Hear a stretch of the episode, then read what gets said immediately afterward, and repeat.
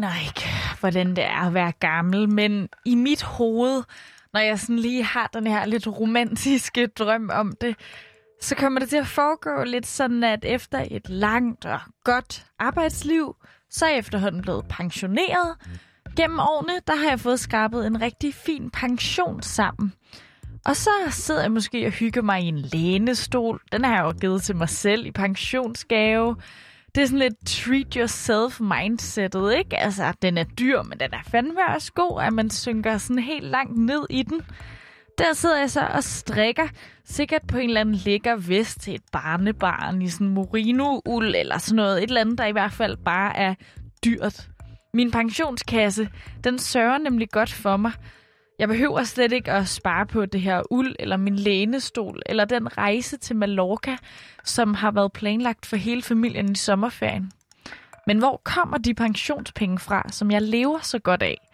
Hvad nu, hvis de penge er tjent ind gennem investeringer, der har gjort livet til et helvede for mennesker et andet sted på jorden? Desværre er det ikke helt så usandsynligt.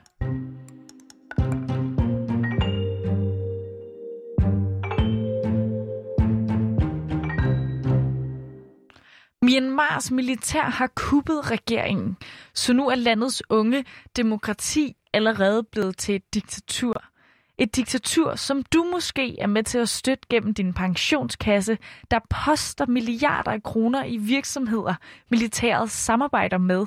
Mit navn det er Nana Mille, og du lytter til Udsyn, som i dag er produceret i samarbejde med Danwatch.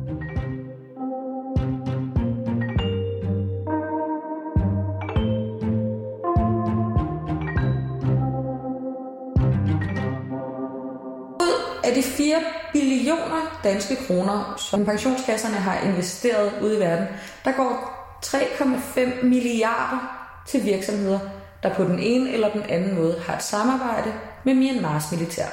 Det her, det er Ronja Pilgaard, som er journalist hos Danwatch. Hun har undersøgt, hvor Danmarks pensionskasser lægger vores allesammens penge for at få vores pensionsformuer til at vokse. Og det, det viser sig så nu, at en god, pang, øh, en god portion af dem, de ender altså i lommen på et militær, som for nylig har væltet sin egen regering med magt. 1. februar iværksætter militæret det her kup, som vi jo har hørt om de sidste par måneder fra Myanmar. Og den fyr, som sidder i spidsen for det, han sidder også i spidsen for det ene af de her holdingselskaber, som jo altså gør forretninger med virksomheder, som danske pensionskasser er investeret i. Det er måske lidt kompliceret, men groft sagt, så kan man i hvert fald sige, at et samarbejde med en virksomhed i Myanmar næsten altid er et samarbejde med Myanmars militær.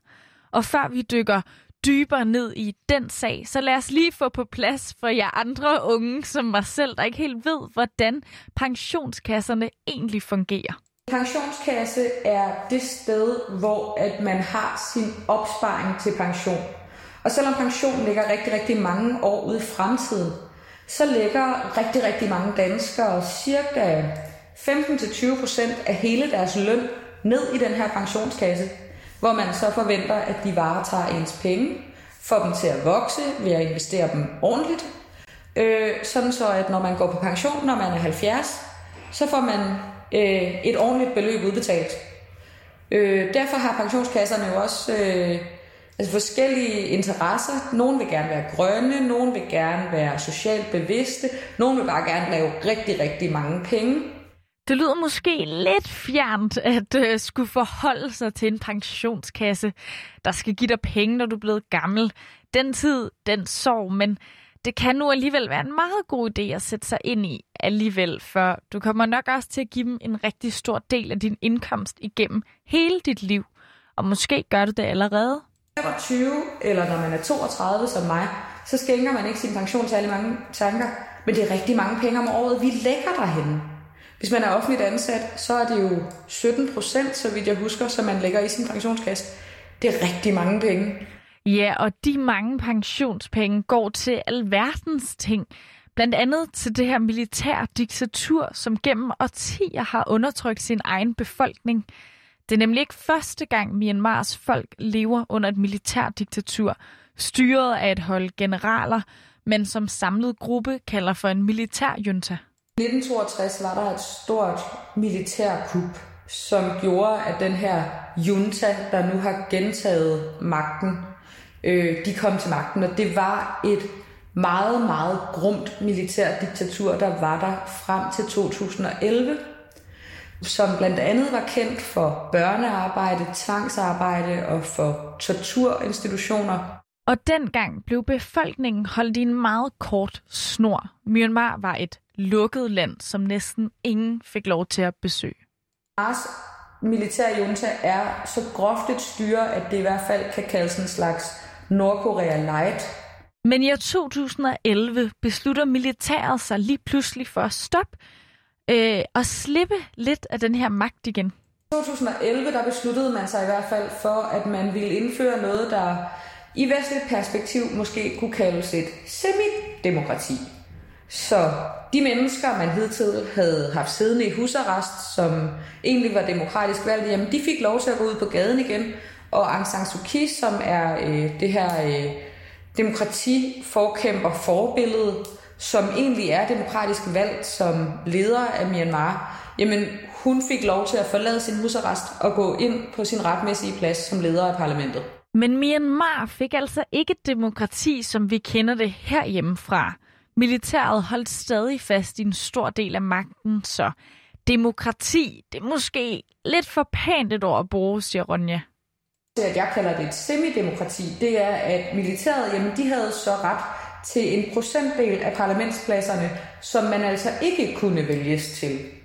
Oven i det bestemte militæret også selv, hvem Myanmar skulle gå i krig med, for eksempel.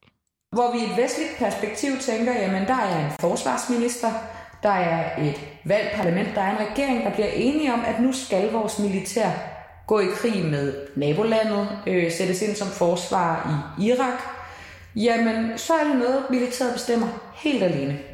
Og så sad militæret også på en rigtig stor del af Myanmars økonomi. Militæret tjener også deres egne penge igennem de her konglomerater. De har to holdingselskaber. Det ene hedder Mel, det andet hedder MEC. Og de ejer under sig øh, en hel masse forskellige virksomheder, der arbejder i Myanmar. Holdingselskaberne, som militæret sidder på, det er virksomheder, som ejer bidder af andre virksomheder. Og blandt andet gennem de her holdingselskaber, så var og er militæret blandet ind i stort set alt, man kan tjene penge på i Myanmar. Vi sidder på en lang række af brancher, militæret. Militæret sidder på minedriften, på øh, en række industrizoner, hvor øh, militæret, eller hvor private virksomheder kan oprette fabrikker. De sidder på øh, ølbryggeri, de sidder på øh, turisme. Rigtig mange af de hoteller, der ligger i Myanmar, er bygget på land, der leases af militærets holdingselskaber. Og på den måde, så tjener militæret penge på nærmest alt, hvad der foregår. Og hvis ikke, at det er generalerne selv, der sidder i spidsen for de her virksomheder, så er det det, man kalder cronies, altså øh, personer tæt på generalerne, tæt på ledelsen af, øh, herren, som er venner med dem, og den vej igennem tjener rigtig gode penge på at sidde på en branche. Det kan fx være bilimport. Så når en dansk pensionskasse sætter penge i en virksomhed, der har base i Myanmar, der er det altså allerede et dårligt tegn til Ronja. Der er allerede røde flag, der flagrer. Og det var der altså også før kuppet i februar. Så når at man skal være bekymret, når man hører ordet Myanmar, så er det altså fordi, at under det her øh, semidemokrati, der ligger der en militærjunta, som er massivt grov inden for tortur, børnearbejde og tvangsarbejde. Men selvom militæret jo egentlig styrede rigtig meget under Myanmars demokratiske periode, så valgte de alligevel at kuppe det demokrati, de selv har været med til at indføre. Og tabet af demokratiet har skabt en masse uro i landet. Siden 1.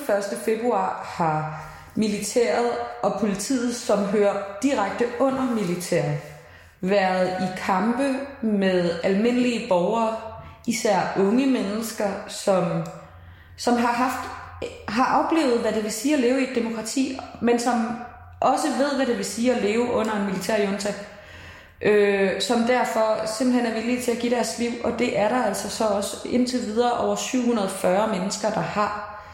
Militæret slår nemlig demonstranterne ned med tårgas, vandkanoner og ammunition, og de skyder altså for at dræbe. Allerede inden at det gik helt amok, som det gjorde i slutningen af februar, der meddelte militæret på statstv, at hvis man deltog i de her demonstrationer, jamen så risikerede man at blive skudt i hovedet. Det var simpelthen ordlyden i en meddelelse, der blev sendt ud i sådan en slags oplysning til borgerne om samfundet. Og det er altså det regime, vores pensionskasser poster penge i. Men det er ikke sådan, at altså, de stikker jo ikke pengene direkte i hånden på en krigsgeneral. Det er alligevel lidt mere kompliceret end det. Det kan blandt andet betyde, at pengene går ind i øh, øh, et øh, ølbryggeri, som er ejet af en japansk stor bryggerivirksomhed.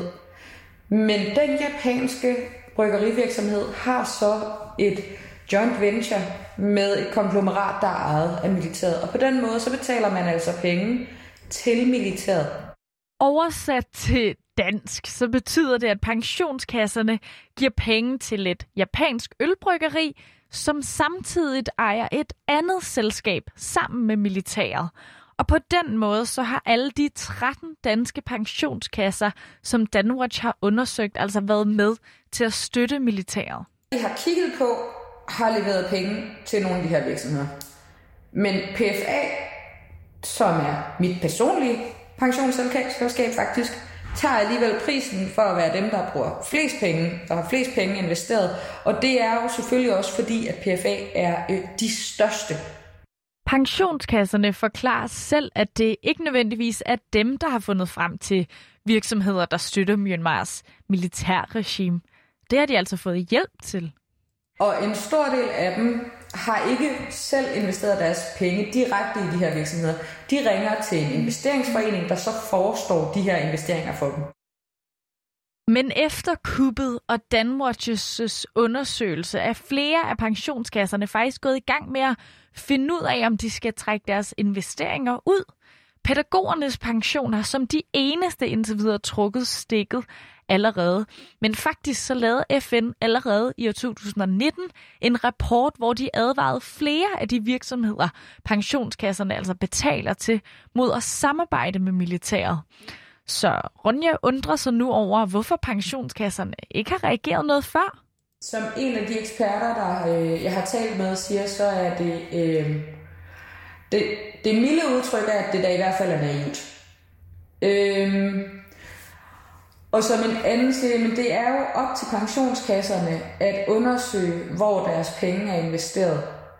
Og den her rapport fra FN, som vi har lavet vores liste på baggrund af, jamen den har eksisteret siden 2019. Jeg har haft den siden 2019. Så hvis jeg har haft den, så har de nok også kunne finde den.